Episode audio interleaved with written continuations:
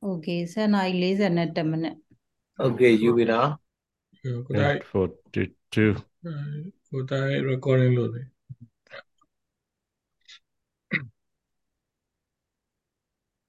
Okay. ကိုပြီးတော့ဟိုနဲ့စာမလို့လားလားပူတင်ပူတင်နဲ့စာမဟုတ်တယ်ဘုရောရင်ကိုပူတင်နဲ့စာမလို့လားဟုတ်တယ်ငပူတင်ပါငပူတင်ငပူတင်ဟိုငပူတင် Okay အားလုံးပဲ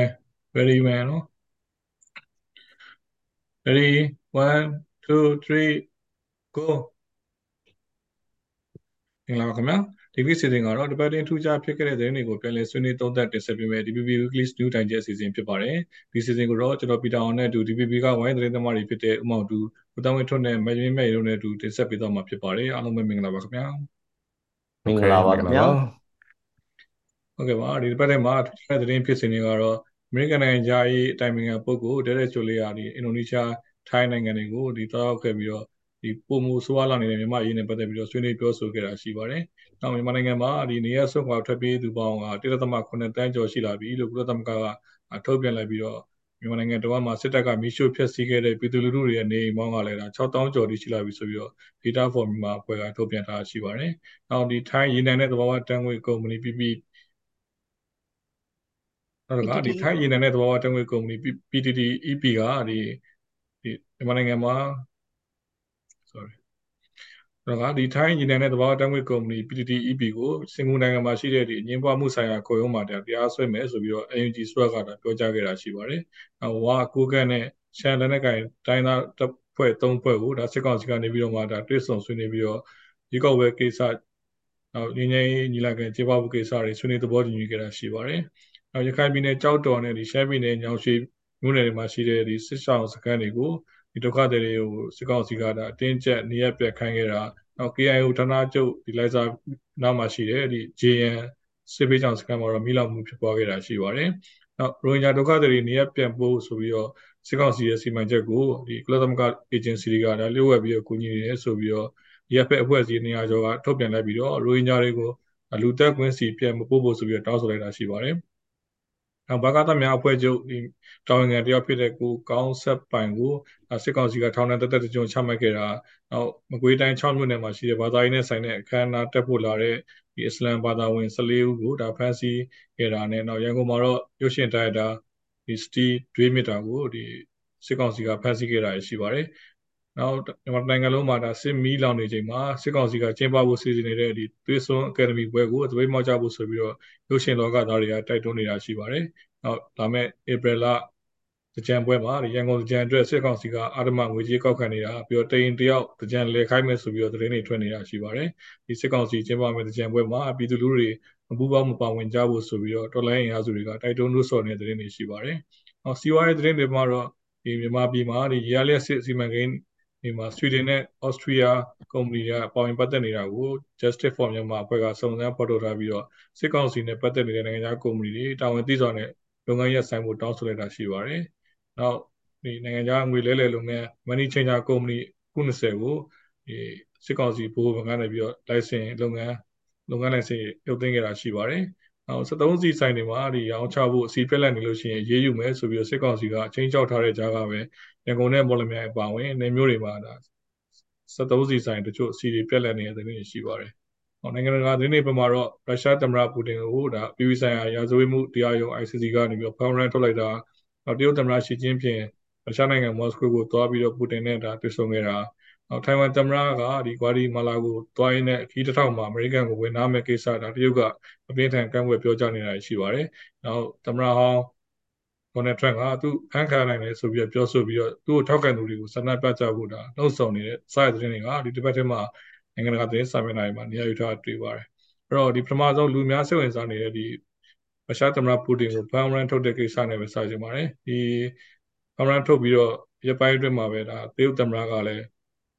မော်စကိုကိုတွားပြီးတော့တရုတ်ဒီပူတင်နဲ့ဒါတွေ့ဆုံခဲ့တာဒါတိုက်ဆိုင်မှုလားတခြားအကြောင်းတွေရှိမလားကိုတမတို့အရင်ဆုံးဆွေးနွေးပြပြပေးပါလားခင်ဗျ ဟုတ်ကဲ့ဒါနှစ်ခုကတိုက်ရိုက်ဆက်ဆက်တော့မဟုတ်ဘူးပေါ့နော်ဒီကျွန်တော်ဆိုလိုတာ ICC ကစစ်ရာဇဝတ်မှုနဲ့အဲရုရှားသမ္မတပူတင်ကိုဖန်ရန်ထုတ်တယ်အဲဆိုတော့ဖြစ်စဉ်အဲဖြစ်စဉ်ဖြစ်တဲ့အချိန်နဲ့ရက်ပိုင်းအတွင်းမှာပဲပေါ့နော်ရက်ပိုင်းအတွင်းမှာပဲအဲရောက်ဖတ်ရင်အာအာမငယ်နဲ့ဆိုပြီးတော့သွားပြီးတော့အားပေးတယ်လို့မျိုးပေါ့နော်သူတို့အာအင်္ဂလိပ်စကားလုံးကတော့ bromance ပေါ့ bromance ဆိုသုံးတာပေါ့နော်အာ သွားပြီးတော့ဟိုဟိုဝိုင်းရံတယ်ပေါ့လေဝိုင်းရံတယ်ထောက်ဟိုအဲစိတ်စိတ်ဓာတ်အားပေးတယ်ဆိုတော့ပုံစံမျိုး bromance ဆိုပြီးတော့သုံးကြတယ်ပေါ့နော်အဲတကယ်ဖြစ်စဉ်ကတော့အဲကျွန်တော်ခွဲပြောရမယ်ထင်တယ် ICC နိုင်ငံတကာဒီ International Criminal Court တို့နိုင်ငံတကာတရားစီတရားခုံရာဇဝတ်ခုံရုံးကနေပြီးတော့အာဖန်ဂရန်ထုတ်တယ်ဆိုတဲ့ကိစ္စကိုအရင်အဲအဲ့ဒါကတော်တော်လေး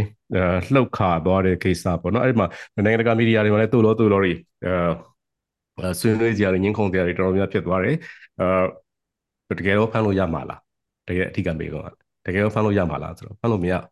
ဖမ်းလို့မရဘူးဖမ်းလို့မရဘူးဆိုရင်ဘာလို့ထုတ်သေးလဲပေါ့နော်။ Okay ဖမ်းလို့မရဘူးဖမ်းလို့ရတယ်ဆိုတော့ဘာကိုပြန်ကြည့်မလဲဆိုတော့ကျွန်တော်တို့ Rome Statute ကိုပြန်ကြည့်ရမယ်။ရောမသဘောတူညီစာချုပ်ပေါ့နော်။အဲဒီ2000တပိုက်ကစခဲ့တဲ့သဘောစပြီးတော့အသက်ဝင်တယ်ပေါ့နော် အဲ့တော့နိုင်ငံပေါင်း123နိုင်ငံလက်မှတ်ထိုးထားတယ်အဲ့ဒီမှာရုရှားမပါဘူးအခုရှီကျင်းဖင်တို့ရဲ့တရုတ်လည်းမပါဘူးအိန္ဒိယလည်းမပါဘူး US လည်းမပါဘူးအဲ့လိုမပါတဲ့နိုင်ငံတွေတော်တော်များရှိတယ်123နိုင်ငံဆိုတော့ဒီကမ္ဘာလုံးမှာနိုင်ငံပေါင်း190ကျော်ပါပေါ့နော်123နိုင်ငံဆိုတော့ပူတင်ကိုဖမ်းဝရန်ထုတ်တယ်ဆိုတော့ ICC မှာကကြတော့သူ့မှာကိုယ်ပိုင်စစ်တပ်မရှိဘူးကိုယ်ပိုင် ICC တရားရုံးရဲ့ကိုယ်ပိုင်အာဟိုရဲတပ်ဖွဲ့မရှိအဲဆိုတော့သူက နိုင်ငံတစ်ခုကနေဖမ်းပေးရတယ်ပေါ့ဥပမာရုရှားသမ္မတပူတင်ကရုရှားသမ္မတပူတင်ကဒီ ICC ကိုလက်မှတ်ထိုးထားတဲ့နိုင်ငံတစ်ခုကိုသွားတယ်ဆိုပါစို့အင်္ဂလန်ကိုသွားတယ်ဆိုရင်အဲထားပါတော့နော်နိုင်ငံဥရောပနိုင်ငံတစ်ခုကိုသွားတယ်ဆိုလို့ရှိရင်အဲဒီ ICC ရောမသဘောတူညီစာချုပ် Rome Statute ကိုလက်မှတ်ထိုးထားတဲ့နိုင်ငံဖြစ်ခဲ့ရင်ဖမ်းပြီးတော့ ICC ရှိတဲ့ Netherlands ကိုလွှဲပြောင်းပေးရမယ် extradition လုပ်ရမယ်ပေါ့နော် အဲ့ဒါလိုမျိုးအဲ့ကြမှာခုလောလောဆယ်တရားဆွဲထားတော့မှရှိသေးတယ်အဲ့ဒါကတရားစစ်ဆေးအောင်ပဲပေါ့မီလိုစစ်ပစ်တုန်းကလိုမျိုးတရားအဲ့ဒီမှာ ICC မှာအချုပ်ချထားပြီးတော့အဲဆက်ပြီးတော့တရားစီရင်မှာပေါ့နော်အဲဆိုတော့123နိုင်ငံကဖမ်းပေးမှာလားဆိုတော့အဲ့ဒါလည်းမသိကြဘူးရုရှားရဲ့အရှိန်ဟွာနေရုရှားနဲ့ကင်းရမကင်းကြောင်းနိုင်ငံတွေရှိနိုင်တယ်။နောက်ပြီးတော့အဲ့123နိုင်ငံထဲမှာဥပမာကျွန်တော်တို့ဟိုဟာကိုပြန်ကြည့်တာပေါ့နော်။ဒီဒီ အဲဘရှိယာပေါ့နော်ဆူဒန်ဆူဒန်နိုင်ငံကအာနာရှင်သမ္မတအာနာရှင်အဲအဲဘရှိယာကို ICC ကအဲ့လိုပဲဖန်ဝရန်ထုတ်တယ်အဲရာစိတ်ရဆွေးမှုတွေကျူးလွန်တယ်လူတွေအစုလိုက်ပြောင်းလိုက်တတ်တာတွေအတွက်အဲဟိုဟိုထုတ်တယ်ဆိုပေမဲ့အဲ့လိုဖန်ဝရန်ထုတ်တယ်ဆိုပေမဲ့ပေါ့သူကလေပြားကိုသူကလေပြားကိုသွားမယ်လို့ check နိုင်ငံကိုသွားတယ်လို့စသဖြင့်ပေါ့နော်အဲ့ဒီနိုင်ငံတွေသွားတယ်အဲ့ဒီနိုင်ငံတွေကဖမ်းမပေးဘူးအဲ့ဒီနိုင်ငံတွေက ICC ရဲ့အဖွဲ့ဝင်နိုင်ငံဖြစ်တော်လဲပဲဖမ်းမပေးဘူးဆိုတော့လည်းဘာဖြစ်လဲပေါ့ ဖမ်းမပေးဘူးဖမ်းမပေးတော့ ICC ကဘာတက်နိုင်လဲဆိုတော့ ICC ကလုံခြုံရေးကောင်စီကိုစာတင်ရတာပေါ့နော်တိုင်သွားတိုင်ရတာပေါ့ဒီမှာဒီအဖွဲ့ဝင်နိုင်ငံတွေကတော့ဖမ်းပေးတင်တာတာဝန်ဝတ္တရားပြက်ကွက်တယ်မဖမ်းပေးဘူးဘယ်လိုလုပ်မလဲဆိုပြီးလုံခြုံရေးကောင်စီတင်တယ်လုံခြုံရေးကောင်စီလည်းတည်တဲ့အတိုင်းပဲရုရှားရဲ့တရုတ်ရဲ့အဲ့လိုနော်ဒီ American ရဲ့ Britain ရဲ့ပြင်သစ်ရဲ့စသဖြင့်နှစ်ပိုင်းကွဲနေတယ်ဆိုတော့လုံခြုံရေးကောင်စီကြတော့လေအဲသူဝန်ချနာပေါ်တစ်သွားတာပေါ့နော်အဲ့တော့အဲတခုရှိတာကအဲ့ဆိုဘာဖြစ်လို့ဖန်ဝရန်ထုတ်တယ်လဲဆိုရင်အ ခုရှိတာကပူတင်ကအဲကမ္ဘာကြီးရဲ့ဘယ်နိုင်ငံကိုသွားမလဲဆိုတော့အဲသူစဉ်းစားနှစ်ကြိမ်ပြန်စဉ်းစားရနိုင်တယ်အဲနောက်တစ်ခုကအမ်ပူတင်ကအဲဒီရုရှားနိုင်ငံကပဲတစ်သက်လုံးနေမယ်ရုရှားနိုင်ငံကပဲအများစုနေမယ်ဆိုလို့ရှိရင်သူတဘာပြဿနာမရှိဘူးရုရှားနိုင်ငံကိုလည်းဘယ်နိုင်ငံကမှဝင်ပြီးတော့ဖမ်းရဲမဲ့အခြေအနေမရှိဘူးဥပမာပါကစ္စတန်နိုင်ငံမှာအိုစမာဘင်လာဒန်ကိုဒီ American Navy စီးတွေကလစ်မှာဝင်ပြီးတော့တုတ်တင်လိုက်တယ်ပေါ့နော်အဲ့လိုအသက်ပြစ်လိုက်တယ်ဆိုတာမျိုးလည်းမဖြစ်နိုင် ရုရှားလိုစစ်အင်အားမျိုးတွေပေါ့နော်အဲ့တော့အဲဒီအဲ့ဒါဆိုလို့ရှိရင်ပူတင်ကပူတင်လက်တလောမှာပူတင်ကတရားစွဲထားတာကဒီယူကရိန်းရဲ့ထောင်နဲ့ချီတဲ့ထောင်သိန်းနဲ့ချီတဲ့ကလင်းငယ်တွေကလင်းငယ်တွေကိုရုရှားနိုင်ငံတွင်းကိုစွတ်အဲစွတ်ဖို့မောင်းထုတ်တာပေါ့နော်အဲ့လို deportation လုပ်တဲ့အတွက်ဆိုပြီးတော့သူ့ရဲ့ဒီလူခွင့်ခရီးတငယ်ဆိုင်ရာမဟာမင်းကြီးအမျိုးသမီးတယောက်လည်းပါတယ်မာရီယာ ဆိုတော့မျိုးတယောက်လည်းပါတယ်နောက်ထပ်အမှုတွေလည်းထပ်ပြီးတော့ဆွဲချက်တွေရှိလာနိုင်တယ်နောက်ထပ်ပူတင်ရဲ့အဲဟိုဘေးကပေါ့နော်ရာရာလူကြီးကြီးအစိုးရခေါင်းဆောင်တွေထပ်ပြီးတော့ပါလာမယ်ဆိုရင်အာသူတို့သူတို့မှာတော့စိတ်ပိုင်းဆိုင်ရာထုံးနှက်ချက်တစ်ခုဖြစ်မယ်။နော်ပူတင်ကလည်းလာမယ့်နှစ်မှာအဲသူရွေးကောက်ပွဲရှိတယ်။လာမယ့်နှစ်မှာရွေးကောက်ပွဲမှာလည်းပူတင်ကရုရှားတနိုင်ငံလုံးကိုဘယ်လောက်စီးယုံနိုင်မလဲ။ရုရှားတနိုင်ငံလုံးကလည်းပူတင်ကိုစိတ်ပြက်နေတာတွေတော်တော်များများရှိတယ်ဆိုတော့ပူတင် အာပူတင်ရဲ့နိုင်ငံရေးအလားအလာဘာဖြစ်မလဲမသိဘူးပေါ့နော်သို့တော့အဲနောက်ထပ်တက်လာမယ့်အစိုးရကပူတင်နဲ့မတည့်ဘူးအဲနော်သမ္မတပူတင်သမ္မတဟောင်းပူတင်နဲ့မတည့်ဘူးဆိုပြီးတော့ဖမ်းပေးလို့လည်းမရဘူးရုရှားရဲ့ဖွဲ့စည်းပုံအခြေခံဥပဒေအရသူ့ရဲ့နိုင်ငံသားကိုဖမ်းပြီးတော့တခြားနိုင်ငံရဲ့စီရင်ထုံးတွေကိုတခြားနိုင်ငံရဲ့ဥပဒေစီရင်မှုတွေကိုပို့လို့မရဘူးအဲဆိုတော့အဲ ဘာဖြစ်လို့ထုတ်လဲဆိုတော့ ICC ကတော့သူ့ရဲ့လုံရိုးလို့စင်တိုင်းထုတ်တဲ့သဘောဖြစ်မယ်ဖမ်းလို့ရတာမရတာတစ်ပိုင်းပေါ့နော်အဲဒီဒါအပြင်ကိုအဲလောလောဆယ်တော့ကိုသိခါရထိကြိုက်တယ် image ရထိကြိုက်တယ်ဖမ်းဝရမ်းထုတ်ထားတဲ့အဲလိုရှိနေတဲ့တရားစီရင်ဖို့အတွက်စိတ်ရဆုံးမှုနဲ့လိုရှိနေတဲ့ခေါင်းဆောင်တယောက်ဆိုတဲ့ဂုံသိက္ခာကဘာကဘာပြည်သူလူထုကြားမှာဂုံသိက္ခာတစ်ခုတော့ထိခိုက်တာဖြစ်မယ်အဲအဲ့ဒါနဲ့ဆက်ပြီးတော့ပြောရရင်ဒီရက်ရပိုင်းတွင်းမှာပဲတရုတ် သမ္မတပေါ့နော်ကဘာစီဝိုင်းအင်အားအကြီးဆုံးလည်းပါတယ်တရုတ်သမ္မတရှီကျင်းဖျင်အဲရောက်သွားတဲ့အခါကျတော့အဲတိုက်တိုက်ဆိုင်ဆိုင်လည်းဖြစ်မယ်သူတို့ကြိုးစီစဉ်ထားတာလည်းဖြစ်မယ်ပေါ့နော်အဲတော့ရောက်သွားတဲ့အခါကျတော့အာပူတင်ဘက်မှာသူရှိတယ်ဆိုတော့သဘောမျိုးတော့ဖြစ်တယ်တိုးတော့အဲတရုတ်သမ္မတကဒီရုရှားကိုမသွားခင်လေးမှာတယ်ပဲမသွားခင်ပြီးခဲ့တဲ့ရက်ပိုင်းတွေမှာပဲတရုတ်ကဒီသူ့ရဲ့ ငြိမ်းချမ်းရေး proposal ပေါ့နော်တရုတ်ကသူကဟိုနာမည်ကောင်းယူတာပေါ့နော်ဒီဟိုပြီးခဲ့တဲ့ပတ်တွေကကျွန်တော်တို့ Saudi Arabia နဲ့ Iran နဲ့ကိုသူတို့လက်ဆွဲနှုတ်ဆက်ပေါ့နော်တရုတ်ကအလဲကနေပြီးတော့ရင်ကြားစစ်ပေးတယ်ဆိုတော့ပုံစံမျိုးအဲ့ဒီပုံစံမျိုးအဲယူကရိန်းနဲ့ရုရှားဖြစ်နေတဲ့တိုက်ပွဲတွေကိုအားလုံးရပ်ဆိုင်းရဖို့ဆိုပြီးတော့အဲတရုတ်က proposal ဆက်နှစ်ချက်ပါတယ်ဒါပေမဲ့ပြဿနာအဲ့ဒီ proposal ကို proposal မှာဟိုဟိုပါခေါ်လဲဆိုတော့ ရုရှားကကျူးကျော်နေတဲ့လို့မသုံးဘူးသူကအဲနှစ်ဖက်လုံးကနေပြီးတော့အဲငင်းချမ်းချမ်းဖြစ်ရှင်းကြဖို့ဆိုတဲ့သဘောမျိုးကျွန်တော်တို့မြန်မာနိုင်ငံကိစ္စမှာလေဟိုအာဆီယံကပြောသလိုပဲသိလားနှစ်ဖက်လုံးကငင်းညံစွာဖြစ်ရှင်းဖို့အဲအပြစ်ခတ်ရဆဲဖို့နောက်ပြီးလူသားချင်းစာနာထောက်ထားဖို့ကူညီဖို့အဲ့လို formula အတိုင်းပေါ့ဗျာနောက်ပြီးတော့ nuclear လက်နက်တွေမထိခိုက်ဖို့စသဖြင့်ပေါ့နော်အဲတရုတ်ရဲ့ဟိုငင်းညံမှုစနစ်ချက်ကရုရှား ဘက်ကပူတင်ဘက်ကတော့ပြောတယ်ပူတင်ဘက်ကသူကတော့အဆင်ပြေတယ်ပြဿနာမရှိဘူးသူသူ့ကိုတက်ဆုပ်ခိုင်းတာမပါဘူးလေသူ့ရဲ့တက်တွေပြန်ပြီးရုပ်သိမ်းခိုင်းတာမပါဘူးသူကအဆင်ပြေတယ်ယူကရိန်းနဲ့အနောက်နိုင်ငံတွေကအဆင်သင့်ဖြစ်တယ်ဆိုလို့ရှိရင်နေငယ်ဆွေးနွေးလို့ရတယ်လို့ပြောတယ်ယူကရိန်းဘက်ကတော့ဒီသူတို့သိမ်းထားတဲ့ရုရှားတပ်တွေနောက်ဆုတ်ပြီးမှပဲနေငယ်စကားပြောလို့ရမယ်ဆိုတော့မျိုးရှိတယ်တော့ဒီ၃ရက်ကြာခရီးစဉ်ကတော်တော်လေးဒီကပတ် သူတို့စကားရဆိုလို့ရှိရင်တော့နှစ်တရာအတွင်းမှာထူးခြားဆုံးအာ milestone ပေါ့နော်နှစ်တရာအတွင်းမှာကမ္ဘာဟိုနိုင်ငံရေးပထဝီအာ geopolitics ဟို power balance တွေနော်အင်အားချိန်ခွင်ရှာတွေအပြောင်းလဲကိုဥတီတာပေါ့နော်ဒီ American သူတို့ multipolar လို့သုံးတာပေါ့နော် American အာရဲ့ super power အင်အားကြီးအခြေအနေကိုပြန်ပြီးတော့တုံ့ပြန်တဲ့သဘောမျိုး American ရဲ့ဗိုလ်ချစိုးမိုးမှုကိုသူကပြန်ပြီးတော့အဲအာ ဟိုပြန်ပြီးတော့ကောင်တာဟိုမျှချေပြန်လုပ်တဲ့သဘောမျိုးပေါ့နော် balance ပြန်လုပ်တဲ့သဘောမျိုးအဲ့တော့အဲ့ဒါမျိုးအဲသူတို့ထုတ်ပြန်ချက်တွေမှာတွေ့ရတယ်အမ်နောက်ပြီးတော့ဒီတရုတ်တကယ်ပြောရင်တရုတ်ကတော့သူစီဝါရေးအတွက်ဆိုလို့ရှိရင်တော့တရုတ်ကလောင်စာစီကိုအငမ်းမရလိုအပ်နေတဲ့အခြေအနေရှိတယ်ကျွန်တော်တို့ဒီတကယ်လို့အမေရိကန်နဲ့အဲတင်းမာလာပြီဆိုလို့ရှိရင်လေဒီစင်ကာပူနားကဖျက်ရတဲ့ဒီမာကာရေးလက်ကြားကနေ အဲဖြတ်ရတဲ့ကိစ္စရယ်ပြီးတော့ကျွန်တော်တို့မြန်မာနိုင်ငံကနေဟို gas pipeline ဖြတ်တဲ့ဟာမျိုးရယ်အဲထက်စားလို့ရှိရင်ဒီရုရှားကနေပြီးတော့ gas pipeline သူတို့ဟိုလုံနေတယ်ဟိုစောက်ဟိုစပြီးတော့စောက်ဖို့စဉ်းစားနေတယ်မွန်ဂိုလီးယားကိုပြတ်ပြီးတော့ပေါ့နော်တရုတ်ရဲ့လောင်စာလိုအပ်ချက်ကအကြီးကျယ်ဖြစ်နေတယ်ဒီချိန်ထဲမှာရုရှားဘက်ကလည်းစီးပွားရေးကတော်တော်လေးဘေးဒုက္ခဖြစ်နေတဲ့ပုံရှိတယ်လေဟိုနောက်နောက်နိုင်ငံတွေမျိုးစုံရဲ့အရေးယူပိတ်ဆို့မှုတွေ ဘန်ဘန်လုပ်ငန်းပိတ်ဆို့မှုတွေကအစပေါ့နော်ဒီတရုတ်ရုရှားရဲ့လောင်စာမဝယ်တော့ဘူးဆိုတဲ့အခြေအနေမျိုးကစတရုတ်ကလည်းလောင်စာကိုတော်တော်ကိုဈေးပေါပေါနဲ့ရနေတယ်အဲ့တော့အဲ့တော့ပြောရရင်တော့ဟိုနှကမ်းပဲချင်းမိမှုတ်တဲ့သဘောမျိုးစောင်းနေပေါ့နော်ဒီရုရှားနဲ့တရုတ်ကြားမှာအဲစီဝါရေးနဲ့အနည်းပညာစသဖြင့်နိုင်ငံရေးအဲစီရေးပူပေါင်းဆောင်ရွက်မှုသဘောတူညီချက်ပေါင်း12ခုလောက်ရှိမယ်အဲသူတို့သဘောတူညီစာချုပ်တွေချုပ်ကြတယ်ပေါ့နော် အဲ့တော့ပြောရင်တော့ကမ္ဘာကမ္ဘာအင်အားကြီးနိုင်ငံတွေရဲ့ချိန်ခွင်ရှာပြောင်းလဲမှာဒီဒီနှစ်ယောက်တွေ့ဆုံတဲ့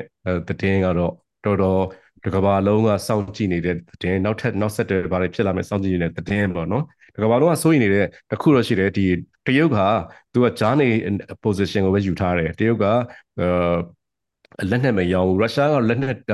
လက်နက်တောင်းဆိုရဲဆိုတော့ အထောက်ထားတွေတွေ့ရတဲ့အကြောင်းနေတိုးဘက်ကပြောတယ်တရုတ်ဘက်ကတော့လက်နက်ရောင်းမဲ့အဲလက်နဲ့မရောင်းဘူးသူကကြားနေလို့ပြောပေမဲ့ non lethal ပေါ့နော်ဒီ drone တွေရောင်းတာမျိုးတွေနော်အဲ့လိုအဲ့လိုမျိုးတွေရှိနိုင်တယ်အာပြီးတော့ရင်အရင်တစ်ဘက်ကတွေ့သလိုမျိုးလေဒီအမဲပြစ် rifle ဆိုပြီးတော့ဒီ M16 လိုမျိုးစက်သနက်မျိုးတွေရောင်းတာမျိုးတွေတို့နော်စသဖြင့်အဲ့ဒီဥပကအဲ့လိုမျိုးရောင်းဖို့လာတာရှိတယ်ဆိုပြီးတော့ American နဲ့အနောက်နိုင်ငံတွေကလည်းအဲ့လိုရောင်းခဲ့ရင်လက်နဲ့ရောင်းခဲ့ရင်စီးပွားရေး ပိတ်ဆို့ရေးယူခံရမယ်ဆိုပြီးတော့အဲ့လိုချင်းထောက်ထားတာလည်းရှိတယ်။ဘာဆက်ဖြစ်မလဲတော့စောင့်ကြည့်ရမယ်။အဲ့တော့တခုတော့ရှိတယ်ယူကရိန်းစစ်ပွဲမှာအလုံးမျိုးခြေကုန်လက်ပန်းကျနေတဲ့ရုရှားအတွက်ကတော့တော်တော်လေးကြီးမားတဲ့အထောက်အကူဖြစ်သွားမလားပေါ့နော်။အဲ့စစ်ပွဲပို့ပြီးတော့တာရှည်သွားမလားအဲ့ဒါတော့နိုင်ငံတကာကတော့အဲ့လိုစိုးရင်ချက်တွေရှိတယ်ဗျ။ဟုတ်ကဲ့ပါကျွန်တော်ဆက်သမားတဲ့ဒီအမေရိကန်နိုင်ငံသားရေးတိုင်းပင်ကပုဂ္ဂိုလ်တဲတဲချိုလေးရဲ့ဒီဒေတာတွင်ကြီးစဉ်ပတ်သက်ပြီးတော့ဆက်လက် ပြောပြချင်ပါတယ်ဒီအမေရိကန်ဒီစစ်မြန်မာအာဒီစစ်ကောင်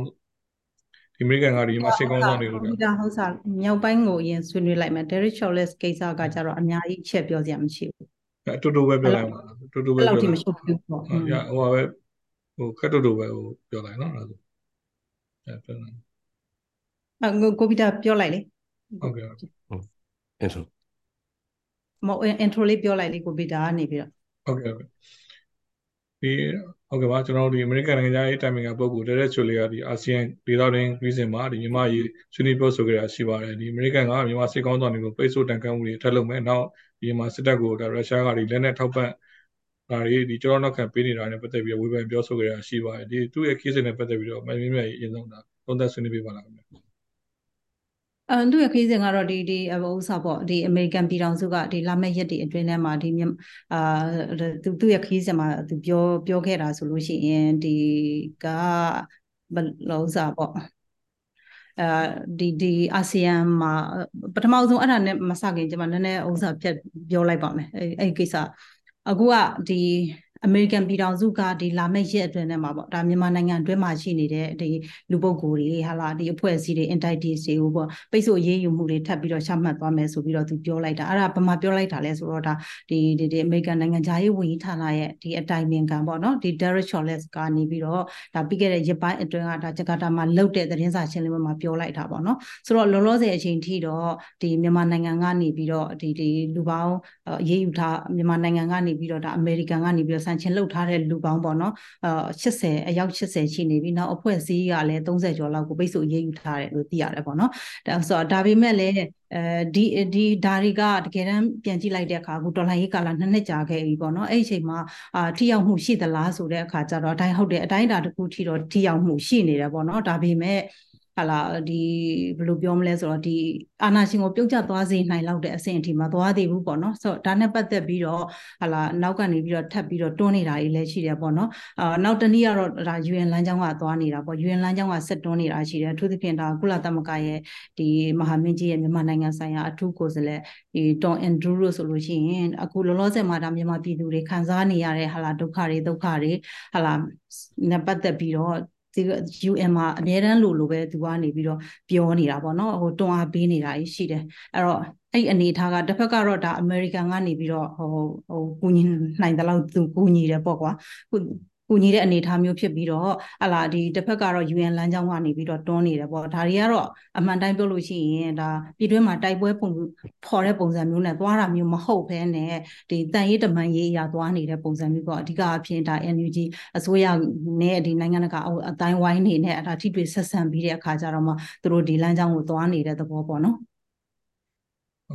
ဟုတ်ကဲ့ပါ ကျွန်တော်နောက်ဒီစစ်ကောင်စီကိုဒီနိုင်ငံခြားမှုရှာပေးနေတဲ့အဓိကတောက်တိုင်ဖြစ်တဲ့ဒီထိုင်းရေနံနဲ့သဘောတန်းဝေးကုမ္ပဏီ PTTEP ကိုဒါစင်ကာပူနိုင်ငံမှာရှိတဲ့ဒီအငင်းပွားမှုဆိုင်ရာခုံရုံးမှာတရားစွဲမယ်ဆိုပြီးတော့ NUG ဆိုကပြောဆိုခဲ့ပါတယ်။ဒါနဲ့ပတ်သက်ပြီးတော့ဒါဘယ်လိုတရားစွဲမှာလဲဘယ်လိုမျိုးဖြစ်နိုင်ခြေရှိလဲဆိုတာအမှန်တူပြပြပြပါလား။ဟုတ်ကဲ့ပါကိုဗီတာ PTTEP ပေါ့နော်။ထိုင်းကုမ္ပဏီကို NUG ကနေပြီးတော့စင်ကာပူမှာတရားစွဲမယ်။ဆိုတော့ ဒီ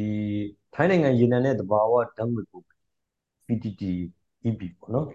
ဒီသူသူ့ကိုတောင်းဆိုတာပို့လိုက်တာဒီမတ်လ20ရက်နေ့မှာ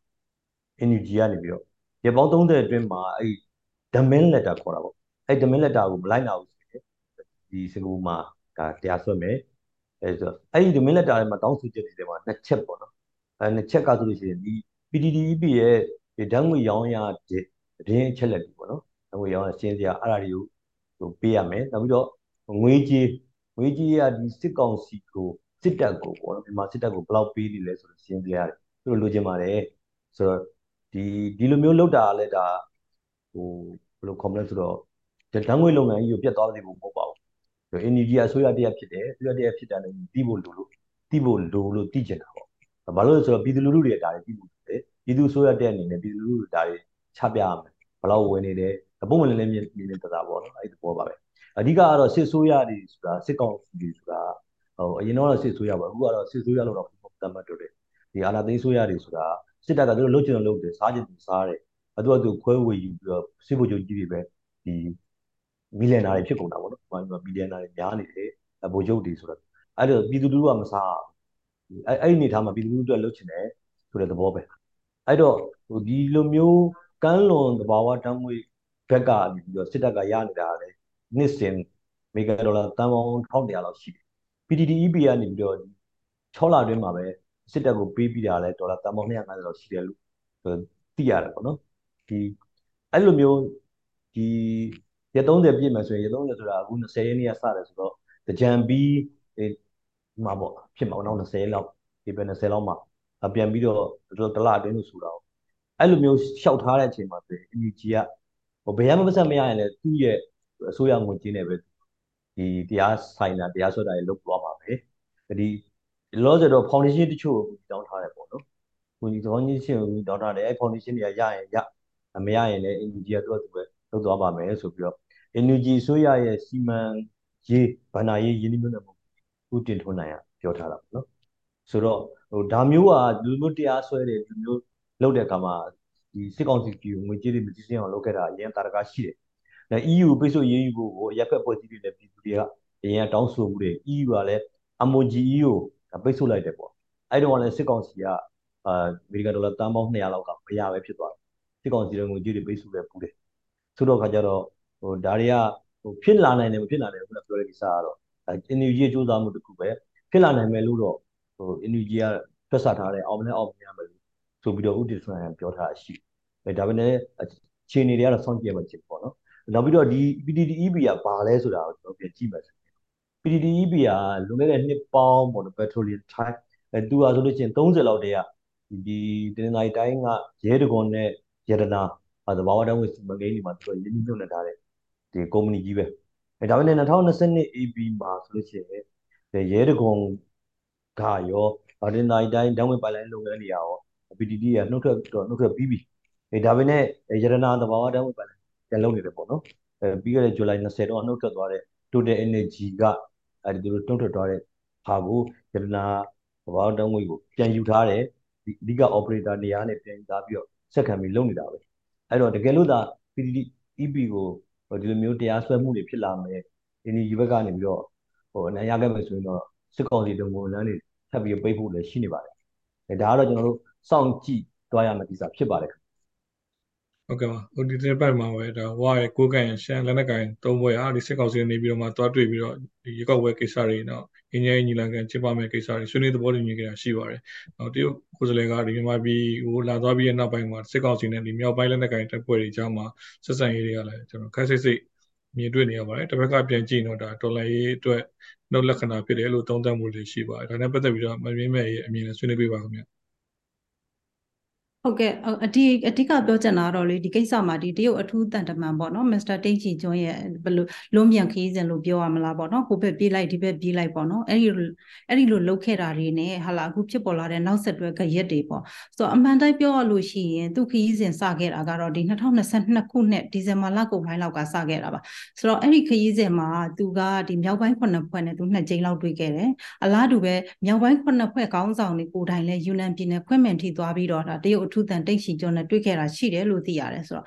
အလားတူပဲဒီပေါ့နော်ဒီဒီဒီတရုတ်တန်တရုတ်တန်စက်ကောင်စီဥက္ကဋ္ဌနဲ့လည်းသူနှစ်ကြိမ်လောက်တွေ့ခဲ့တယ်အဲ့တော့ဒီအကျိုးဆက်အနေနဲ့ကြတော့ဒါပြီးခဲ့တဲ့မတ်လ16ရက်နေ့15 16မှာဒီဝဒေတာပန်ဆန်းမှာဒီမြောက်ပိုင်းအဖွဲ့ခုနှစ်ဖွဲ့အစည်းအဝေးလုပ်ခဲ့တယ်ပေါ့နော်ပြီးတော့မှဟလာဒီအစည်းအဝေးကနေပြီးတော့ statement တစ်စောင်ထုတ်လိုက်တယ်အဲ့ဒီ statement ကဘာလဲဆိုတဲ့အခါကျတော့ဒီတရုတ်ရဲ့ဟလာငြိမ်းချမ်းရေးအတွက်ကြားဝင်ဖြည့်ချင်းမှုကိုလက်ခံပါတယ်ဆိုပြီးတော့ထုတ်လိုက်တဲ့အစားပေါ့နော်ဆိုတော့ ဒါရိုးရိုးလေးကြည့်မယ်ဆိုလို့ရှိရင်တော့ဒါတရုတ်ကငြိမ်းချမ်းရေးအတွက်ဂျာဝင်ဖြည့်ချင်းတယ်ပေါ့နော်ဆိုတော့ဒါပေမဲ့ဒီကိစ္စကအဲ့လောက်ထိမယိုးသားဘူးဒါကအမှန်တိုင်းပြောလို့ရှိရင်တို့ညှိပြီးတော့မှလောက်ကြတာဟဟလားဒါပေမဲ့တစ်ဖက်ကိုပြန်ကြည့်တော့လဲစက်ကောင်စီဘက်ကလည်းဒါကိုသဘောတိတ်သဘောအကျကြီးတော့မဟုတ်ဘူးဆိုတော့ဒီထုတ်ပြန်ချက်ကြောင့်ဟုတ်တယ်တော်လှန်ရေးကိုအားနေသွားစေတယ်သူတို့အတွက်ကောင်းတဲ့အချက်တကူကောင်းတဲ့အချက်တွေလည်းရှိတယ်ဒါပေမဲ့တကယ်တမ်းကျတော့တရုတ်ဘက်ကလည်း သူ့ရဲ့အုံအာဂျန်နာနဲ့သူလုပ်နေတာအဲ့ဒီလိုပဲတိုင်းသားလက်နက်ကိုင်အဖွဲ့တွေထဲမှာလည်းသူ့စိတ်ကူးနဲ့သူ့ရဲ့အာဂျန်နာနဲ့သူရှိကြတယ်ဆိုတော့ဒီထက်မှတချို့မလွန်ဆန်နိုင်လို့မိစဉ်ကြီးကလိုက်ရတာတွေလည်းရှိနိုင်ပါတယ်အဲ့တော့ဒီကိစ္စမှာဟလာတရုတ်ရဲ့စိုးရိမ်ချက်ကသူ့လူတွေလို့သတ်မှတ်ထားတဲ့ဒီလက်နက်ကင်အဖွဲ့တွေပေါ့နော်အဲ့လက်နက်ကင်အဖွဲ့တွေက NUG ရဲ့ခေါင်းဆောင်မှုအောက်ကိုရောက်သွားမလားဆိုလိုတာကပြီးခဲ့တဲ့ဒီ နှစ်လလောက်ကဒါအမေရိကန်ရဲ့ကာကွယ်ရေးဥပဒေပေါ့ NDAA အမျိုးသားကာကွယ်ရေးဥပဒေထဲမှာတိုင်းသားလက်နက်ကိုင်အဖွဲ့ EAO တွေနဲ့ PDF တွေကိုဟလာတရားဝင်မှုပေးထားတဲ့သဘောတွေပါရှိတယ်အဲ့ဒီထဲမှာထည့်သွင်းပြီးတော့ရေးဆွဲထားတယ်အဲ့ဒီတော့ဒီလူတွေကိုဟလာအဲ့ဒီတော့ဒီလူတွေကိုမင်းတို့ ဒီဒီမြောက်ပိုင်းအဖွဲ့တွေကိုမင်းတို့ဒီအထဲတော့မပါနဲ့ငါတို့မှငါတို့ရဲ့အာဂျန်ဒါနဲ့ငါတို့ရှိတယ်ဆိုပြီးတော့သူကဖမ်းပြီးတော့ထိန်းထားလိုက်တဲ့သဘောဖြစ်နေတယ်အဲ့တော့ဒီအဖွဲ့တွေမှာလည်းစောစောကပြောသလိုမလွန်ဆန်နိုင်တဲ့အကြောင်းတရားတွေလည်းရှိတယ်ဆိုတော့ဒီကိစ္စဖြစ်လာတယ်ဒါပေမဲ့ဒီအနေထားကိုရောဟလာအကြာကြီးထိန်းထားဖို့လွယ်မလားအခုပဲကျမတို့သတင်းတွေတွေ့ရတယ်ဟလာကိုးကန်တက်တွေထတ်ချက်နေတယ်ဆိုတဲ့သတင်းတွေလည်းကြားနေရတယ်အဲ့ဒါဒါကြောင့်မို့လို့ဟလာဟိုစက်ကောင်စီဘက်ကတယောက်ကပြောထားတာရှိတယ်ဟလာတရုတ်အနေနဲ့ကင်တက်ရင်တော့ ကင်တတ်ရင်တော့ကင်ပေါ့မကင်တတ်ဘူးဆိုလို့ရှိရင်တော့အသွားနှစ်ဖက်နဲ့ဓာတ်ကိုကင်တယ်လို့ဖြစ်သွားလိမ့်မယ်လို့ပြောထားတာရှိတယ်တကယ်တမ်းကျတော့တရုတ်ကလည်းအမှန်တိုင်းပြောလို့ရှိရင်သူ့အုံအာဂျာနာနဲ့သူသူကခွပြီးတော့စားနေတာအမှန်တိုင်းပြောလို့ရှိရင်တော့ခွပြီးတော့ကစားတဲ့သဘောအမှန်တိုင်းပြောလို့ရှိရင်တော့သူက NUG ကိုတော့သူကအတိမမပြုတ်ချင်ဘူးဗျဘာလို့လဲဆိုတော့ NUG ကိုသူကအမေရိကန်လူလို့သဘောထားတာ။ဆိုတော့အဲ့ဒီပုံစံမျိုးဖြစ်နေတဲ့အခါကျတော့သူကအခုလိုတတ်ချိုလိုက်တယ်ပေါ့ဗျာ။တတ်ချိုလိုက်တဲ့အခါကျတော့အာမြောက်ပိုင်းဖွဲ့တွေကဒီလိုထုတ်ပြန်ချက်တွေ ထွက်လာတယ်ပေါ့နော်ဆိုတော့ထွက်လာခြင်းအပြင်တစ်ဖက်တစ်ခုကောင်းသွားတာကစက်ကောင်စီအတွက်လောလောဆယ်မှာထွက်ပေါက်ကလေးတစ်ခုပွင့်လာတယ်ဥမာတစ်ခုပြောရလို့ရှိရင်ဟာလာဒီဆွေးနွေးမှုတွေလုတ်တဲ့အချိန်တော့အတွင်းမှာပဲဒီမြောက်ပိုင်းမှာတက်တွေ တက်တချို့ရုပ်သိမ်းတယ်ဆိုတဲ့သတင်းတွေလည်းရတယ်ပေါ့နော်ပြီးတော့ဒီဒီဒီအမှန်တိုင်းပြောလို့ရှိရင်တော့ဒါတရုတ်မြန်မာနယ်စပ်တစ်ချောက်ပေါ့နော်မြောက်ပိုင်းမှာဆိုလို့ရှိရင်အဲစထာနာချုပ်သူတို့နှစ်ခုထားတယ်ပေါ့နော်တစ်ခုကဒီဒီကရှင်ပြည်မြကြီးနားမှာအခြေစိုက်တဲ့ဒီပမခလို့ခေါ်တဲ့မြောက်ပိုင်းတိုင်းစထာနာချုပ်ဖြစ်ပြီးတော့နောက်တစ်ခုကကြတော့ချမ်းမြောက်လာချိုးမှာရှိနေတဲ့ရမခလို့ခေါ်တဲ့အရှိမြောက်တိုင်းစထာနာချုပ်ပေါ့နော်အဲ့ဒါတွေရှိတယ်ဆိုတော့ ဘယ်တက်တွေကနေဘလို့ရွှေ့တယ်ဆိုတော့ဒါကျမတို့တော့အတိအကျမသိရဘူးပေါ့နော်ဒါပေမဲ့အဲ့လိုရွှေ့လိုက်တဲ့အတွက်ကြောင့်မလို့အာတက်တွေနှုတ်ခွင့်ရသွားတဲ့အတွက်ကြောင့်မို့လို့ဟလာကြံတဲ့နေရာတွေအတွက်စိုးရင်စရာဖြစ်လာတယ်ဆိုလိုတာကဒီတက်တွေကိုနှုတ်ပြီးဘယ်ကိုပို့မှာလဲဟလာစကိုင်းတို့မကွေးတို့တလင်းနာကြီးတို့ဟလာအခုဖြစ်နေတဲ့အာကရင်နီဒေသတို့ဒီလိုဟာမျိုးကိုပို့လိုက်လို့ရှိရင် ပို့လိုက်လေမလားဆိုတဲ့စဉ်းစားတွေးခေါ်မှုတွေလည်းရှိတယ်လေအဲ့တော့ကျမမနေ့ကဆောင်းမတစ်ပုဒ်မှာဆိုရင်ဘာတွေ့လဲဆိုတဲ့အခါကျတော့ဒီဒီလိုမျိုးတက်တွေရုပ်သွားတဲ့အတွက်ကြောင့်ဒီပို့မှာဖြစ်သွားတဲ့ကိစ္စကိုထောက်ပြတယ်ပေါ့နော်အဲဒီမှာတော့တိတ်ချီကျွန်းရဲ့နဲ့မြန်မာစစ်တပ်နဲ့ညှိလိုက်တဲ့အနေအထားကနေထွက်လာတဲ့ရလက်ကြောင်းဆိုပြီးဝေဖန်သုံးသပ်နေကြတာလည်းရှိတယ်အခုပဲဟလာဒီနေ့မနေ့ပဲသတင်းတွေတက်လာတယ်ရှင်းပြည်နယ်မှာဟလာစစ်အင်အားတွေထပ်ဖြစ်နေတယ်ဆိုတဲ့သတင်းတွေလည်းကြားတယ်ဆိုတော့ဒါတွေကအမှန်တိုင်းပြောလို့ရှိရင်တော့တော်လှန်ရေးအတွဲဟိုကောင်းတဲ့အနေအထားတော့မဟုတ်ဘူးအဲ့တော့ တရုတ်ဘက်ကဟာလာဒီလိုလှုပ်ဆောင်တာတွေလှုပ်ဆောင်တဲ့အခါမှာ तू ကဘာပြောထားလဲဆိုတော့ဖက်တာကတော့ကငိမ့်ချမ်းရေးဆိုတဲ့စကားကို तू ကအကြောင်းပြတယ်ပေါ့နော် အဲ့တော့ဆုံးကအခုရပိုင်းမှာရုရှားကိစ္စဆိုရင်လည်းသူငိမ့်ချမ်းရေးဆိုပြီးတော့ပဲသူကထောက်ပြတာရှိတယ်ဒါပေမဲ့ဒီနေရာမှာ NUG ဘက်ကတော့သူအဲတော်တော်လေးပါပါနက်နက်နဲ့ပြန်ပြီးတော့တုံ့ပြန်တာမျိုးတွေတွေ့ရတွေ့ရတယ်ပေါ့နော်ဆိုတော့သူကတော့ဒါအစိုးရတရက်ဖြစ်တဲ့အတွက်ကြောင့်မလို့ဟာလာရံမများခြင်းမူကိုအချင်းချင်းအကွဲပြဲတွေမဖြစ်ခြင်းတဲ့အနေအထားမျိုးမှာသူကတော့ပျော့ပျော့ပြောင်းပြောင်းနဲ့သူ statement တစ်ခုပြန်ပြီးတော့ထုတ်တာတော့တွေ့တယ်ပေါ့နော်ဒါပေမဲ့ပြည်သူတော်လှန်ရေးအင်အားစုတွေအနေနဲ့ကြတော့အမှန်တိုင်းသိဖို့လိုအပ်တယ် ဆိုလိုတာကစိတ်ချော့စရာတော့မဟုတ်ဘူးဒါပေမဲ့နိုင်ငံရေးမှာတရုတ်ကထဲထဲဝင်ဝင်ကစားလာတယ်ရှုပ်ထွေးမှုတွေဖြစ်လာနိုင်တယ်တော်လှန်ရေးအတွက်ဝေဝါးစရာတွေဖြစ်လာနိုင်တယ်ဒါသတိထားရမယ့်အချက်တွေပေါ့နော်ဟုတ်ကဲ့ပါပေါ်ပြီးတော့အဲတို့အဲ့ geopolitics ဟိုလှုပ်ရှားနေတာတွေကိုကြည့်ရင်လေအဲဒီတရုတ်ကထိုင်ဝမ်ကိုတိမ့်မှာတိမ့်ကျင်နေတာသိကြတယ်အဲယူကရိန်းမှာရုရှား အလဲလဲပြပြဖြစ်နေတာကြည့်ပြီးတော့တော်တော်လေးနှစ်ခါပြန်စဉ်းစားသွားတဲ့ပုံဖြစ်တယ်ဒါပေမဲ့ဒါနောက်တစ်ခါကဘာကြီးကငြိမ်ခံမနေဘူးအဲ့လိုပြန်ပြီးတော့တုံ့ပြန်ကြတယ်ဆိုတဲ့အနေအထားမျိုးတွေသူထိုင်ဝမ်ကိုသူသိနေနိုင်သိလို့မရဘူးဆိုတဲ့အနေအထားမျိုးတွေနောက်ပြီးတော့အဲဒီဆိုတော့သူရဲ့လောင်စာလမ်းကြောင်းကဒီစင်ကာပူနားကဖြတ်စင်ကာပူအင်ဒိုနီးရှားဒီတောင်တရုတ်ပင်လယ်ကဖြတ်ရတဲ့ဒီမာကာစထရိတ်ပေါ့နော်ဒီအရေးလက်ကြားကဖြတ်ရတဲ့လမ်းကြောင်းဟို ထေမိအောင်လို့ဆိုပြီးတော့ကျွန်တော်မြန်မာနိုင်ငံမှာဒီ gas pipeline အဲထားတယ်ဆိုတော့သူ့ရဲ့လောင်စာလိုအပ်ချက်တွေရုရှားကိုကတ်ရတဲ့ပုံစံမျိုးအဲအဲ့ဒါတွေအကုန်လုံးတွက်ကြည့်ရင်သူ့ရဲ့ပတ်ချလဲအဲဝိုင်းထားတာတောင်ကိုရီးယားတို့ဂျပန်တို့ထိုင်ဝမ်တို့ US NATO align မဟာမိတ်တွေပေါ့နော်အဲ့လိုတွက်မယ်ပြီးတော့ဒီရှေ့ဒီတောင်တရုတ်ပင်လယ်အဲဖိလစ်ပင်းမှာဒီ American စစ်တပ်ချထားတယ်ပြီးတော့ Aussie ဟို Australia နဲ့ဒီ US နဲ့အဲ UK နဲ့စေးမဟာမိတ်ဖွဲ့တာတွေအဲ့ဒါတွေက အဲ့ဒါတွေရောတစုံလုံးတွက်မယ်ဆိုလို့ရှိရင်တရုတ်ကမြန်မာနိုင်ငံကို American အဲ American ဘယ်လိုခေါ်မလဲ NATO NATO နဲ့နှီးစပ်သွားမှာ American နဲ့နှီးစပ်သွားမှာကိုတော်တော်စိုးရိမ်မဲ့သဘောမျိုးတော့မြေပုံထဲမှာဒီသတင်းအခုတက်လောဖြစ်နေတဲ့သတင်းအချက်လက်တွေအားလုံးကိုမြေပုံထဲမှာတစ်ခုစီနေရာချကြည့်တဲ့အခါကျလို့ရှိရင်လေမြန်မာနိုင်ငံကပင်လယ်ထွက်ပေါက်ကသူ့အတွက်တော်တော်အရေးကြီးတဲ့ပုံဖြစ်နေတာကိုတွေ့ရတယ် ဟုတ်ကဲ့ပါဒါတော့ဒီကမ္ဘာသတင်းတွေနဲ့ဆက်ဆက်နေမြန်မာအကြောင်းပေါ့နော်မြန်မာပြည်တွင်းသတင်းတွေကျွန်တော်ဆက်ချင်ပါတယ်ဒီတစ်ပတ်ထဲမှာတိုက်ပွဲတွေကထုံးစံတိုင်းဒီဒေသအတော်များများဆက်ပြီးတော့ဖြစ်နေပါတယ်ဒီစစ်တပ်အာဏာသိမ်းတာနည်းနည်းရှိပြီဖြစ်ပေမဲ့ဒါခုခံတွန်လန်စစ်တွေကတော့အရှိန်ကောင်းနေစေဖြစ်ပါတယ်ဒီမော်ရမြို့မှာရှိတဲ့ဒီအနောက်မြောက်တိုင်းစစ်နာချုပ်နမခတိုင်းကိုဒါစစ်ကောင်းဆောင်ရောက်လာချိန်မှာပဲဒါ PDF တွေကလက်ကြီးနဲ့ပြစ်ခတ်တိုက်ခတ်ခဲ့ရလေဒီတစ်ပတ်ထဲမှာပြစ်ခဲ့ပါတယ်အမကွေးတိုင်းစီရေစကြိုစကိုင်းတိုင်းခင်ဦးဒါကချင်ပြည်နယ်ပူတာအို ချင်းပြည်နယ်ဖလန်းခရနီကရင်ပြည်နယ်နဲ့တင်းလိုက်တိုင်းဘက်မှာလည်းတိုက်ပွဲတွေပြင်းထန်ဖြစ်ပွားနေပါတယ်။သူသဖြင့်ဒီတင်းလိုက်တိုင်းနဲ့မှာဖြစ်စဉ်နဲ့ပတ်သက်ပြီးတော့အမောက်တူပြောပြပြလာခင်ဗျ။ဟုတ်ကဲ့ပါတင်းလိုက်တိုင်းမှာတော့ခြားတိုင်းနေလို့ပဲစစ်တပ်ကနေပြီးတော့ဟိုရွာတွေကိုမိရှို့လာတယ်။ဒီ21ရက်နေ့အဆိုရင်လောင်းလုံးမျိုးနေရောပြည်ရွာကြောက်ဝရွာပေါ့နော်။ဒီရွာတွေကိုမိရှို့တယ်အိမ်လုံး150လောက်ရွာပေါင်းရှိတာပေါ့နော်။အဲ့150လုံးလုံးကိုစစ်တပ်ကမိရှို့လာပဲ။ အဲ့တော့ဟိုဒါတွေကကျွန်တော်တို့ဒေသခံရွာသားတွေနဲ့ကျွန်တော်တို့အဲ့ဒီနေမြေမှာရှိတဲ့သတင်းတောက်တွေကပြောပြချက်တွေအရသိရတာပေါ့နော်ဆိုတော့အဲ့ဒီအဲ့ဒီအပြင်ကိုဒီညောပြင်ရွာတို့ကြောက်ဘွားရွာတို့ဒီလောင်းလုံးမြို့နယ်ကအဲ့ရွာတွေနဲ့နောက်ထပ်9မိုင်လောက်ဝေးတဲ့ကြောက်နီမော်ဆိုတဲ့ရွာကိုစစ်တပ်ကဝင်တယ်ဝင်ပြီးတော့ကားသုံးစီးနဲ့ဝင်တယ်ပြီးတော့ဟိုအိမ်မှာရှိတဲ့ပစ္စည်းတွေယူတယ်အဲ့လိုမျိုးပေါ့ဟိုရွာတော့မီးရှို့သွားတာမျိုးမရှိဘူးဒါနဲ့မျိုးသားတူကိုဖမ်းသွားတယ်အဲ့ဒီမျိုးသားတူကတက်စကုန်းနှစ်ပဲရှိတယ်ဒီမဲ့ပေါ့နော် အဲအခုတည်းကအဆက်အသွယ်မရဘူးအဲ့လိုပဲဟိုရွာတွေမှာဆိုလို့ရှိရင်အဲလူတွေကိုဖမ်းတာရွာတွေမိရှို့တာတော့တော်တော်များများဒီနေ့တိုင်းမှာဖြစ်နေတယ်ဖြစ်စဉ်အားဆိုလို့ရှိရင်ဒီလ18 19ရက်တွေလောက်ကပဲစစ်တပ်ကထိုးစစ်တွေစနေတယ်အဲရောက်မလို့လေဒေတာတွင် PDF တွေနဲ့ KNL တက်တွေနဲ့တခြားအဲတက်တွေနဲ့ပေါ့နော်တော်လိုင်းတက်တွေနဲ့တိုက်ပွဲတွေဖြစ်နေတယ်မိတွေရှို့နေတယ်ပေါ့နော်ဒီဒနင်္သာရီတို့ဒဝဲတို့ဘလောတို့အဲဒေတာတွေမှာဆိုလို့ရှိရင်ဒါစစ်ကောင်စီတက်တွေက ဒီဘက်ကပျောက်ကြားတိုက်တာတွေကိုတော်တော်ခံရတယ်ကြာဆုံးတာတွေလည်းရှိတယ်ပေါ့နော်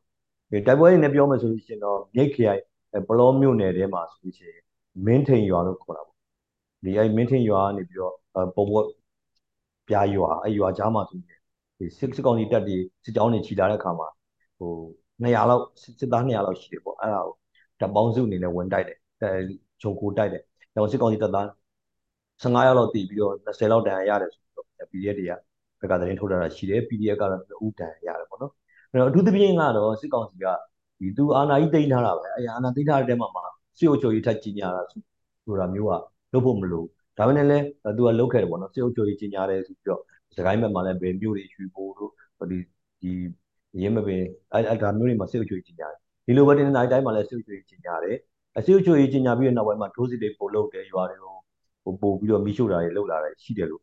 ဒီ အဲ့ဒီဘက်ကသတင်းတွေကျွန်တော်ရတယ်ပေါ့နော်ဒီဒီဒဝဲဘက်မှာလည်းဒါ Pinodor scan ဆိုတဲ့ scan ကိုဒီ PDF တွေကနေတော့ drone နဲ့ပေါ့ TPDF လို့ခေါ်တဲ့ TPDF အဖွဲ့ကနေ drone နဲ့တိုက်တာမျိုးရှိတယ်ဒီဘက်ကခုခံတိုက်နေတဲ့အဖွဲ့တွေမှာတော့ KNLA တို့ PDF တို့ TPDF တို့ဒီအဖွဲ့တွေကနေတဘောစုတွေနဲ့ပေါ့နော်အခုခံတိုက်နေတာပဲအဲတော့အဒရင်သာရီမြို့နယ်အတွင်းမှာဆိုရင်သိန်းခွန်ရွာနဲ့6ပေါက်ရွာကြားထဲမှာမြူစောတိတက်တွေအဲစစ်ကောင်စီတက်တွေပူးပေါင်းလာတဲ့တက်တွေကို တိုက်တာရဲ့တိုက်ပွဲဖြစ်တယ်။ဒီနေ့ပဲပေါ့နော် YGL လို့ခေါ်တဲ့ရေး PDF ကနေပြီးတော့ချိန်ညာချက်ထုတ်ထားတာလည်းရှိတယ်။အဲသူတို့ရဲ့ခေါင်းဆောင်ဘိုးကြံရိပ်ဆိုပြီးတော့ဒစိတ်တက်ပြီးတော့စစ်ကောင်စီဘက်ကနေပြီးတော့အတုလုပ်တာပေါ့နော်။ထင်အောင်ထင်မှားလုပ်ပြီးတော့ရေးမျိုးနယ်မှာရှိတဲ့မွန်ရွာတွေအဲဒီရေးလမိုင်းပေါ့နော်။တံပြူစရမြို့မှာရှိတဲ့မွန်ရွာတွေကိုဝင်ပြီးတော့အာ PDF တွေအတွက်ဟိုအလူငွေထည့်ပါပေါ့ဒီအခေါ်ဆိုလို့ဆက်ကြီးပေါ့လေအဲ့လိုမျိုးဆက်ကြီးဆိုပြီးတောင်းတယ်သူတို့ပြောတာဆက်ကြီးဆိုရင်ဟိုတဲ့ စစ်ကောင်စီဘက်ကသုံးတဲ့သုံးလုံးဖြစ်နေပါပြီတဲ့ဒီဘက်ကနေပြီးတော့အလူခန္ဓာဆိုတာလည်းမရှိပါဘူးတဲ့အဲ့ဒီခါကျတော့ဟိုတက်တရအလူခန္ဓာတွေကိုမထည့်ဖို့စစ်ကောင်စီဘက်ကဒီလိုလုပ်ကြတယ်ပြည်သူလူထုတွေမယုံဖို့ပေါ့နော် PDF ကဘယ်တော့မှအလူခံမှုဖြစ်ပါတယ်တဲ့ဒီအလူခံရင်လည်း online နေရာတွေလို့ပြောတာရှိတယ်ပေါ့နော် campaign တွေအဲ့ဒီတွေမှာဝင်ကြပါဆိုပြီးပြောထားတယ်ရှိပါတယ်အဲ့တော့ချုပ်ရမှာဆိုလို့ရှိရင်တော့ရွာသားတွေကပြေးနေရတယ်ရွာတွေကိုဝင်တယ်ဝက်တွေကိုဖမ်းအဲ့လိုမျိုးပေါ့တက်အဲ့လိုတဲဝါတာလည်းရှိတယ် ဆိုတော့အဲ့လိုမျိုးတိုက်ပွဲတွေကလည်းနေရာတိုင်းဖြစ်နေတယ်ရွာတွေပြီးရှုံမှုတွေကလည်းရွာနဲ့တွဲရင်တော့အနည်းဆုံးအင်ဂျင်200လောက်ကပြီးရှုခံနေရပြီဒီလည်းများနိုင်တယ်ဆိုပြီးတော့တင်တာဒီတိုင်းဘက်ကနေပြီးသတင်းတွေပို့ထားပါတယ်ခင်ဗျဟုတ်ကဲ့ပါကျွန်တော်ဒီကမ္ဘာသတင်းတွေမှာတခြားပြောစရာထူးခြားဒီတစ်ပတ်ထဲမှာဗာသတင်းများရှိအောင်လဲကုသကမျိုးဆက်ပြီးတော့ပြပြပေးပါလားခင်ဗျဒီနေ့ဒီနေ့ TikTok ပေါ့ဗျာ TikTok TikTok တနေကုန်ပဲအရေးလည်းပဲ Mr. Chu Mr. Chu yes or no Mr. Chu yes or no အဲဟို TikTok ဟို TikTok ဝန်ထမ်းတွေ TikTok ဝန်ထမ်းတွေကသူ့ရဲ့ Bytedance ပေါ့နော်ကုမ္ပဏီကတရုတ်ကုမ္ပဏီ Bytedance အဲ Bytedance ကုမ္ပဏီကဝန်ထမ်းတွေကအာတရုတ်ကွန်မြူနတီပါတီဝင်ဖြစ်သလားပေါ့နော်အာအဲ့အဲ့သူမပြောနိုင်ဘူးပေါ့နော် yes or no ပဲပြောနော် yes or no အဲအဲ့နောက်ပြီးတော့အာဒီ ဒီအခုလောလောဆယ်တက်ဟိုပါပေါ့နော်ဒီသူတို့ရဲ့သူ့ရဲ့ဟို operation ဟို Texas လုပ်နေတဲ့ဟာတခုရှိတယ်ဟို security ပေါ့နော်ဒီ US user data တွေကို American တန်ပေါင်း150 160ရှိတယ်အဲ့ဒါကို American မှာပဲထားမယ်အဲတရုတ်ကဝင်ကြည့်လို့မရဘူးအဲ့ဒါကို American company ကလည်း audit ဝင်လို့ဝင်ကြည့်လို့ရမယ်အဲအဲ့ဒါတွေသူပြောတယ်ဟုတ်အခုလုပ်နေတာလားအခုအခုလောလောဆယ်လားမဟုတ်ဘူးလုပ်နေတယ်လုပ်နေတော့မှရှိသေးတယ် တရုတ်ကဒီ user data ဆိုတော့ TikTok ကဟိုဟိုကြည့်လာတဲ့ TikTok ကဒီ key keypack ပေါ့နော် keypad ကလုံး keypad ကလုံးနှိပ်တာတွေကိုနားထောင်သလားပေါ့နော်အော်သူတို့ကလုံခြုံရေးအရာနားထောင်တာအချို့ရှိတယ်နားထောင်တာနားမထောင်လား yes or no အဲ့တော့ grailing လို့ခေါ်တာ grailing ကျတော့ဘာခေါ်မလဲဒီဒီကြားနာဝဲနဲ့တူအောင်တူတော့ဘူးဒီလားကြားနာနဲ့မဟုတ်တော့ဘူးအဲ့လို grailing တကယ် yes or no မြနပါတီကိုချဲတာဒီကရေးလက်ချဟုတ်တယ်အဲ့လိုကိုပြောတာဟုတ်တယ်ဟုတ်တယ်ရုပ်ပြီးကွန်ပျူတာတင်းနဲ့မှုရှိဟုတ်တယ်အဲ့ TikTok ရဲ့ CEO ကလူငယ်ပါပဲနော်ဟိုတက်40တန်းလောက်ရှင်းရှင်းနေတယ်သူတော်တော်ဟိုမျက်နှာငယ်လေးနဲ့ပေါ့နော်ဟိုသူအကုန်လိုက်ရှင်းရှင်းနေရတာပေါ့နော်ဒါပေမဲ့ yes or no သူမဖြေနိုင်တာတော်တော်များတယ် yes or no မဖြေနိုင်တာတွေလည်းများတယ်တကယ်တကယ်သူကပြန်ပြီးတော့တစ်ချက်ပြန်ပက်လိုက်သေးတယ်ပေါ့နော်သူကဟိုဟိုဟိုပါပေါ့လောက်တာဒီ ဒီ Facebook ဒီခုလိုမျိုးဒီဒီ industry ထဲမှာတဲ့ဒီ Facebook နဲ့ဒီဟိုဟာ Cambridge ဟိုကိစ္စပေါ့နော်ဒီဟို user data တွေ user data တွေကိုဒီသမ္မတ Trump တို့ရွေးကောက်ပွဲမှာတော့က user data တွေကိုအသုံးပြုပြီးတော့ရွေးကောက်ပွဲကိုကစားသွားတာမျိုးเนาะအဲ့ဒါမျိုးတွေတောင်ဖြစ်ခဲ့တယ်ပေါ့เนาะတကယ်တော့ user data အဲ့ဒါမျိုးပြောရရင်တော့လေတရုတ်ပြည်မှာ YouTube ကိုကတ်ကတ်ပိတ်ထားတယ် Facebook ကိုပိတ်ထားတယ် Google ကိုပိတ်ထားတယ်အကြပြီဒီမှာကအခုဟိုအမေရိကမှာကအခုပိတ်ဖို့လုပ်နေတယ်ပေါ့နော်ပိတ်ဖို့လုပ်နေအစိုးရဟိုကတော့မသုံးတော့ဘူးနောက်တစ်ခုက American company တွေကိုရောင်းကျင်ရောင်း American value နဲ့ပေါ့နော်လူခင်စံချိန်စံညိုးနေနဲ့အဲကိုက်ညီတောင်လုံးမဲ့ company ကိုရောင်းကျင်ရောင်းမရောင်းရင်လုံးဝအလုံးစုံပိတ်ပစ်မယ်ဆိုတဲ့ချင်းချောက်တာမျိုးတွေလည်းရှိတယ်တရုတ်ကလည်းအဲ့ဒါကိုလက်မခံဘူးပေါ့နော်အဲ့လိုမျိုးဖြစ်နေတယ်တော်တော်ဒီနေ့ ပြောရရင်ဒီ American American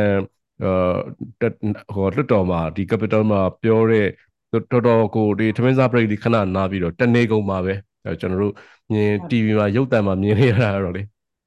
ဟုတ်ကုံကတော့တကယ်တမ်းပြောရရင်တော့နိုင်ငံရေးပါပဲနိုင်ငံရေးအနေထားအရအရန်တင်းမာနေတာပေါ့ဆိုလိုတာက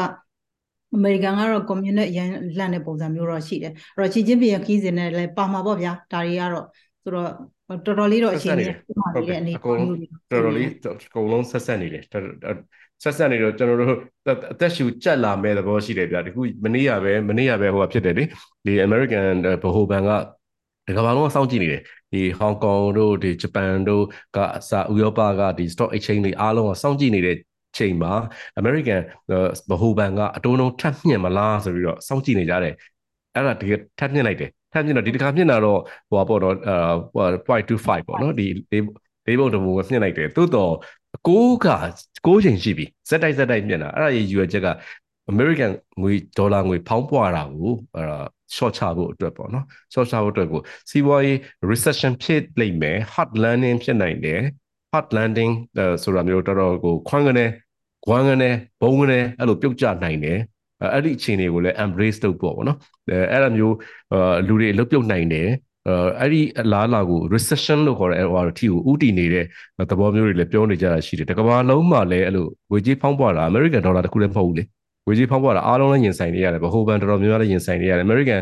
ဘဏ်တစ်ခုလည်းပြီးခဲ့တဲ့အပတ်ကပဲပြိုကျသွားတယ်နောက်ထပ်ဘဏ်တွေပြိုကျဖို့ကလည်းယာနဲ့ချီပြီးတော့ပြိုကျလူတဲတဲတန်းစီနေတာဥရောပမှာလည်းရှိတယ်အမေရိကမှာလည်းရှိတယ် တော်တော်ရှုပ်ရှက်ခတ်နေတဲ့အခြေအနေမျိုးတွေ့တယ်အဲ့ဒါတွေအောကဘာလုံးဖြစ်မှာပါ။ဘာလို့တရုတ်မှာလည်းတရုတ်မှာလည်း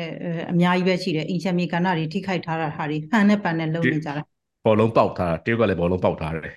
တရုတ်ကလည်းဘောလုံးပေါက်ထားတယ်တင်းတော့ဂျမ်ဂျမ်မဂျမ်မလိုမျိုးတော့အလီဘာဘာတရေဂျမ်မလိုမျိုးအဲဟိုသူပြောတယ်ဂျမ်မပြောတဲ့ထက်မှာတော့တရုတ်အစိုးရမှာကြိုက်တာမျိုးပါတယ်ဂျမ်မအရန်စကားပြောတာလေဟိုကဘာလုံးပတ်ပြီးတော့ဟောပြောဝဲလုပ်တဲ့ခါမှာသူကနိုင်ငံရေးကိုတဲ့ဟိုဟိုဟာလုပ်ပါတဲ့ ဟိုဟိုချစ်ချစ်ခင်ခင်တော့ဟိုဟာလုပ်ပါတဲ့ဟိုနိုင်ငံရေးကိုလေဟိုနိုင်ငံနိုင်ငံရေးနဲ့ပတ်သက်ရင်စီးပွားရေးလုပ်နေသူတွေကနိုင်ငံရေးနဲ့ပတ်သက်ရင် affair ပေါ့နော်အဲ့လိုဟိုအဲ့လိုတွဲကျင်တွဲလိုက်ပေါ့လေဒါပေမဲ့ marriage တော့မလုပ်ပါနဲ့တဲ့နိုင်ငံနိုင်ငံရေးတွေကိုစီးပွားရေးဟိုတရုတ်ဟိုတရုတ်အစိုးရကအခုပြီးခဲ့တဲ့ဟိုပတ်တွေကပဲလေဒီဘီလီယံနာဘန်တတိပျောက်နေတာလေ ဘီလီယံနာဘန်တတိအဲ့လိုမျိုးစီးပွားရေးအရန်ဟိုကြီးမားလာပြီဆိုလို့ရှိရင်အဲရှီကျင်းဖြန်တို့ဒီ policy အရပေါ့နော်တရုတ်အစိုးရရဲ့ communist party ရဲ့ control အောက်မှာပဲတင်းတင်းကြပ်ကြပ်ထားတဲ့ကိစ္စပေါ့နော်အခုရှီကျင်းဖြန်လက်ထက်မှာအဲ့လိုတွေဖြစ်နေဖြစ်နေတယ်ဆိုတော့ TikTok လည်းမထူးဆန်းဘူးပေါ့နော် TikTok ကလည်း American user data တွေကုန်သိတယ်ဗျာ GPS နဲ့ဘယ်နေရာကိုရောက်နေတယ်ဘယ်ရက်ကွက်ဘယ်လမ်းမှာဘာလုပ်တယ်ပြီးတော့သူဟာဘာတွေကိုရှာဖွေနေတယ်သူဟာဘာတွေကိုရှာဖတ်နေတယ်သူဟာဘယ်ပစ္စည်းတွေဝယ်နေတယ်နောက်ဆုံးသူ့ရဲ့ဟိုအထီကိုသိနိုင်တဲ့သဘောရှိတယ်ဒီ credit card number တွေဘယ်လောက်ထားတယ်ပေါ့နော်သူ keep keypad မှာဒီ password တွေဘယ်လောက်ရိုက်တယ်အစဟိုသိမယ်ဆိုရင်သိအောင်လုပ်လို့ရတဲ့နည်းပညာအဲ ရှိတဲ့အခြေအနေဆိုတော့ကြောက်မယ်ဆိုလည်းကြောက်စရာကောင်းတယ်တရုတ်ဟို communist party ကအချိန်မြေဝင်ကြည့်လို့ရတယ် American နိုင်ငံသားတန်တန်ပေါင်း150 160ဆိုတာနေတာမဟုတ်ဘူးပေါ့နော်အဲသူဒီ covid ကာလအစပြီးတော့သူ့ရဲ့ဟို TikTok ကလည်းအကြီးအကျယ်ထောင်တက်လာတာပေါ့နော်ကျွန်တော်တို့မြန်မာနိုင်ငံမှာလည်းပါမယ်ထင်ပါတယ်နော် TikTok မြန်မာနိုင်ငံမှာတော့လုံခြုံရေးအရအဲ့လိုစိုးရင်ကြီးကြီးမှမရှိဘူးလို့ထင်တာပဲ ဟုတ်ကဲ့ပါကျွန်တော်လာမယ့်သတင်းပတ်တွေမှာလည်းဒီမြန်မာနဲ့ကမ္ဘာမှာဖြစ်ပျက်နေတဲ့သတင်းတွေပတ်သက်ပြီးတော့ဆက်လက်ဆွေးနွေးဖို့ရှိတဲ့အကြောင်းပြောပြရတဲ့ဗီဒီယိုအစီအစဉ်ကိုဆုံးသက်လိုက်ပါရစေခင်ဗျာဒီစီစဉ်မှာပေါင်းဆွေးနွေးပေးကြတဲ့ဒီဗီဒီယိုကတော့အားလုံးကိုရောကြည့်ရှုအားပေးကြတဲ့ဒီဗီဒီယိုပေးတဲ့တွေအားလုံးကိုလည်းကျေးဇူးတင်ရှိပါတယ်ခင်ဗျာဟုတ်ကဲ့ကျေးဇူးပါဟုတ်ကဲ့ကျေးဇူးပါ sorry ပါ ဟုတ်ဟုတ်ကိုကိုပိတာအိုးစားလေးအချိန်လေးပြောင်းပေးလို့ရမလားအချိန်လေးပြောင်းပေးလိုက်ကျွန်တော်အခုအိမ်ငိုင်းနေအိမ်ငိုင်းနောက်တော့အခုကကျွန်တော်စီမှာကိုတန်းဝက်ထွက်စီမှာအခုပဲအချိန်လဲကျွန်တော်စီမှာ7တက်ခွဲနေပြီစစ်တက်ခွဲဟုတ်တယ်ကျွန်တော်စစ်တက်ခွဲပဲကျွန်တော်တို့စစ်တက်ခွဲဆောပေးရမှာဥမောင်တို့ဘက်မှာနည်းနည်းဆောပေးရင်အဆင်ပြေလားကျွန်တော်တို့ဒီပွဲပြီးတာနဲ့ဟိုဘက်ဟိုဇာသတင်းအစည်းအဝေးဝင်ဝင်လိုက်မယ်ဆိုလို့ရှိရင်ကျွန်တော်တို့9နာရီလောက်လုပ်လို့ရှိရင်10နာရီဆိုကျွန်တော်တို့ပြီးတယ်လေ10နာရီပြီးလို့ရှိရင်ဟိုဘက်ကိုသတင်းအစည်းအဝေးအဲ့လိုဝင်လိုက်ရင်ကောင်းကောင်းမလား ကျွန်တော်တို့ရတယ်ဒါပေမဲ့မဲဆောက်ဘက်ကတော့အချိန်အချိန်ဟိုဖြစ်သွားမလားမသိဘူးเนาะမနေ့ရှင်းတယ်လားဖြစ်